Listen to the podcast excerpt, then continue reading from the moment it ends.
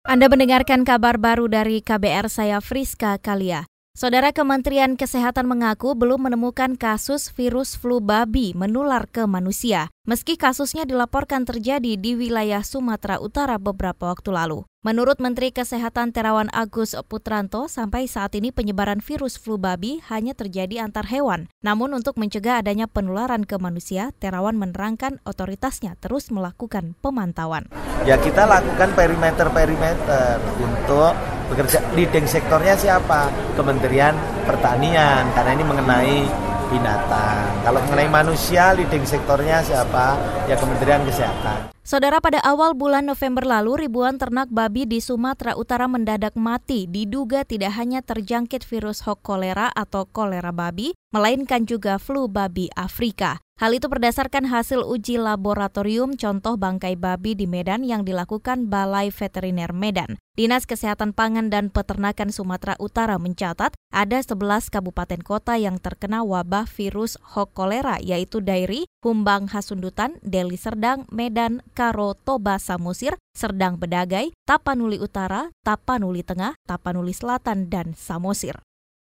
Beralih ke informasi lain, Ketua Umum Gabungan Pengusaha Makanan dan Minuman GAPMI Adi S. Lukman mengatakan pencatatan produk halal dan non-halal dari Indonesia masih berantakan. Hal itulah yang menyebabkan Indonesia kalah dari negara lain terkait produsen produk halal. Padahal jika penataan ekspor terkait label halal dan non-halal di Indonesia lebih rapi, Indonesia bisa menjadi negara produsen halal terbesar di dunia. Kemudian Pak Wapres juga minta bagaimana kita mengembangkan industri halal. Sebenarnya kami juga sampaikan bahwa sebenarnya kalau yang menengah besar kebanyakan sudah halal, namun mungkin dalam ekspor pencatatannya belum belum tercatat dengan rapi sehingga kita kalah dengan negara-negara lain. Tadi Pak Wapres menyampaikan yang paling besar ternyata industri halal itu berhasil, sangat mengejutkan sekali. Adi mengatakan karena pendataan yang kurang baik maka negara dengan produsen produk halal terbesar dipegang oleh Brazil dengan nilai ekspor 5,5 miliar US dollar. Disusul Australia dengan nilai ekspor 2,4 miliar US dollar. Sedangkan menurut catatan Indonesia baru tercatat memiliki 3,8 persen dari pasar halal dunia.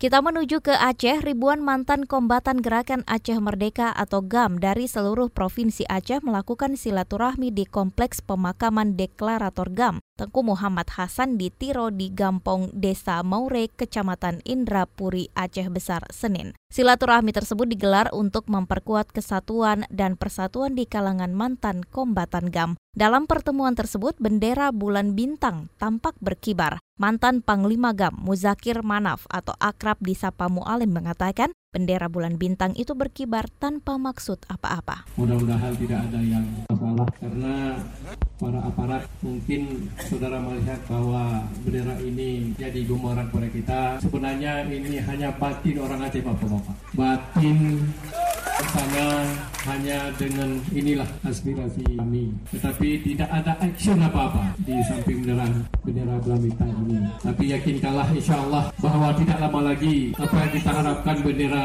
akan selesai antara kita dengan pusat sesuai dengan perjanjian dan Saudara pantauan KBR di lokasi acara tersebut juga dihadiri Wali Nangro Aceh Malik Mahmud Al-Haitar. Ratusan aparat kepolisian dan TNI turut mengamankan silaturahmi mantan kombatan GAM tersebut.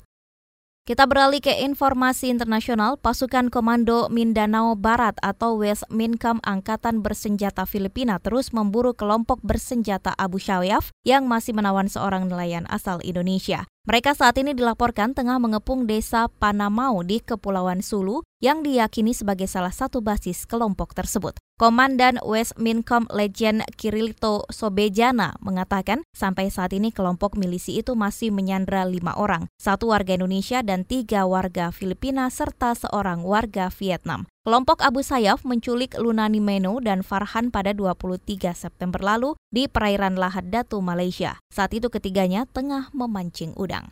Demikian kabar baru dari KBR, saya Friska Kalia.